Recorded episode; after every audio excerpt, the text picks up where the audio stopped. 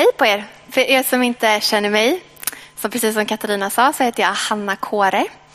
Jag är 26 år gammal och jag eh, är ursprungligen från Huskvarna i Småland. Yay! Jag jobbar som sjuksköterska på Astrid Lindgrens barnsjukhus i Solna. Och jag har gått i den här församlingen i snart två år. Det är första gången som sagt som jag ska predika någonsin. Eh, det är jättespännande och eh, nervöst såklart. Ehm, men det känns väldigt bra och väldigt roligt att få göra det här med er. Dagens rubrik är Jesus bestämmer i vardagen. Och jag minns första gången jag reflekterade över om Jesus kunde få vara ett inflytande eller kunde få påverka oss i vår vardag. Jag var 11 år och jag hade sommarlov. Ehm, och jag och mina två vänner, de var mina grannar, vi lekte och vi hade ett, eh, körde ett frågequiz. Och det var inte vilket frågequiz som helst. Det här var ett kristet frågequiz. Och då så hon som var äldst, hon bestämde vilka frågor som skulle ställas. Eh, och jag fick frågan, vem bestämmer i familjen? Och jag minns att jag svarade Jesus. Eh, men min kompis då som hade ställt frågan, hon blev lite så här, aha, det där var inte jättebra svar. Hon, tyckte, hon, hon sa att det var fel. Och jag minns att jag blev lite ledsen över det. Eh, men livet som 11-åring, det gick vidare. Och eh, idag, mitt 26-åriga jag, jag är jättetacksam för att mina föräldrar valde att låta Jesus få leda dem i sin vardag och den påverkan det hade på vår uppväxt. Men att släppa in Jesus i vardagen, att våga liksom släppa kontrollen, det kan vara en utmaning. Att låta Jesus ha en talan i sånt som rör ens jobb, en framtid, ens drömmar, ens vänner, ens kärleksrelationer. Ehm, det är inte alltid lätt. Och det har inte alltid varit lätt för mig och det är fortfarande en utmaning många gånger. Vi har ett val. Jesus låter oss välja. Men om vi söker oss till Jesus och kommer honom nära, då kommer det påverka ditt liv. Det står i Romarbrevet 12, vers 2. Och anpassa er inte efter den här världen utan låt er förvandlas genom förnyelsen av ert sinne, så att ni kan pröva vad som är Guds vilja, det som är gott och fullkomligt och behagar honom. Närvaron av den heliga anden förvandlar vårt sinne. Heliga anden påverkar våra tankar. Jesus påminner mig om en bibelvers som jag, eller ett bibelställe som jag ofta återvänder till. Det är en plats där jag hämtar kraft, ork, eh, en plats där jag får vila. Det är Johannes 15. Det är ett väldigt bra bibelställe, tips. Eh, vers 1 till 17 och jag tänkte läsa det för er. Och jag har ingen powerpoint utan ni får lyssna eller så får ni läsa med era biblar. Då står det. Jag är den sanna vinstocken och min far är vinodlaren. Varje gren i mig som inte bär frukt tar han bort. Och varje gren som bär frukt rensar han så att den bär mer frukt. Ni är redan nu rena i kraft av ordet som jag har talat till er. Förbli i mig så förblir jag i er. Liksom grenen inte kan bära frukt av sig själv om den inte förblir i vinstocken, så kan inte heller ni det om inte ni förblir i mig. Jag är vinstocken, ni är grenarna. Om någon förblir i mig och jag i honom så bär han rik frukt. Utan mig kan ni ingenting göra. Om någon inte förblir i mig kastas han ut som en gren och vissnar. Sådana grenar samlar man ihop och kastar i elden och det bränns upp. Om ni förblir i mig och mina ord förblir i er så be om vad ni vill och ni ska få det.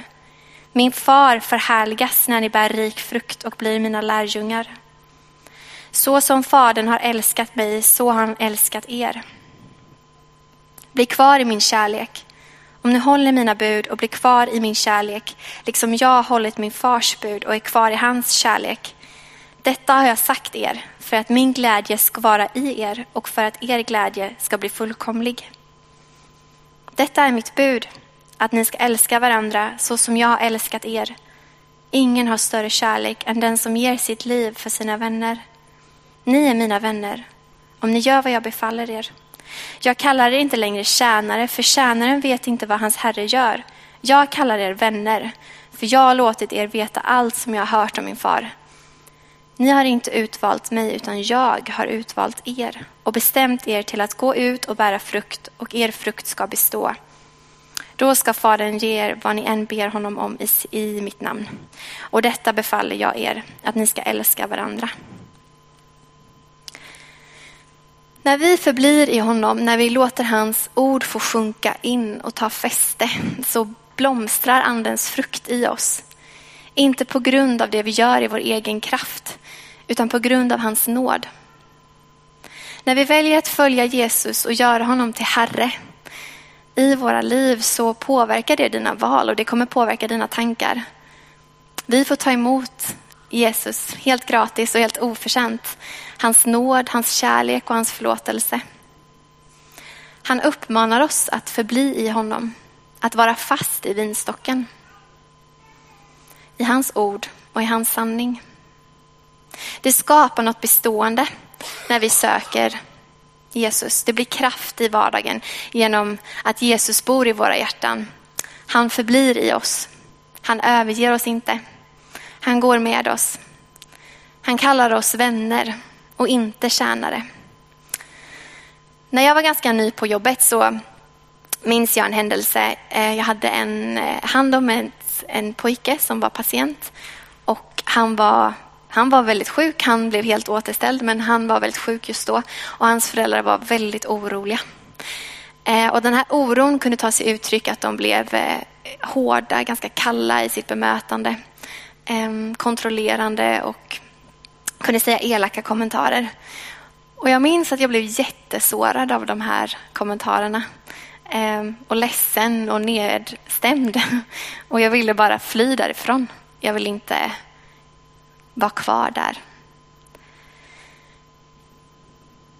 Och jag minns att jag bad att Gud, jag, jag kan inte förlåta de här utan du måste hjälpa mig att förlåta för att jag, jag vet inte hur jag ska börja. Jesus säger var kvar i mig och i relationen med honom så betyder det något.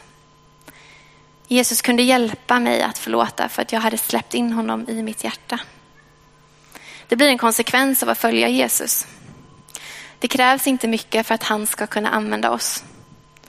Men vi behöver bjuda in honom. Vi behöver låta han förvandla vårt inre. Det tog några månader innan jag kunde förlåta. Men Gud är god och han är tålmodig. Och jag har förlåtit dem idag. Det som skavde har nu fått bli något fint, något gott. Gud säger Be om vad ni vill och ni ska få det. Min far förhärligas när ni bär rik frukt och blir mina lärjungar. Gud är mycket större än den här världen. Hans kärlek är större än vårt tvivel och våra sår. Han kan ta det som var visset och dött och få det att blomma igen. Det är Guds kraft som tar dig framåt. I Matteus 15 32 till 37 så står det Jesus kallade till sig sina lärjungar och sa Jag lider med folket. Nu har det varit hos mig i tre dagar och de har inget att äta. Jag vill inte skicka hem dem hungriga för de kan bli utmattade på vägen. Lärjungarna frågade honom Vart ifrån ska vi här i ödemarken få så mycket bröd att vi kan mätta så många? Jesus sa till dem Hur många bröd har ni? De svarade sju och några små fiskar. Då sa han åt folket att slå sig ner på marken. Han tog de sju bröden och fiskarna, tackade Gud och bröt bröden och gav åt lärjungarna och lärjungarna gav åt folket. Alla åt och blev mätta och man plockade upp bitarna som blivit över, sju korgar fulla. jag hade lite svårt att förstå vad Gud ville säga i den här versen när jag fick den. Men sen när jag tänkte efter lite så insåg jag att lärjungarna de hade inte så mycket. De hade några bröd och några fiskar. Men för Jesus så var det tillräckligt. Han kan, kunde använda de här bröden och de här fiskarna. Och flera tusen blev mätta. I världens mått så är det vi har inte så mycket. Men i Guds räknesätt, i hans ekvation, så är det tillräckligt. Det är Jesus som gör miraklet. Det är han som har kraften och det hänger inte på oss.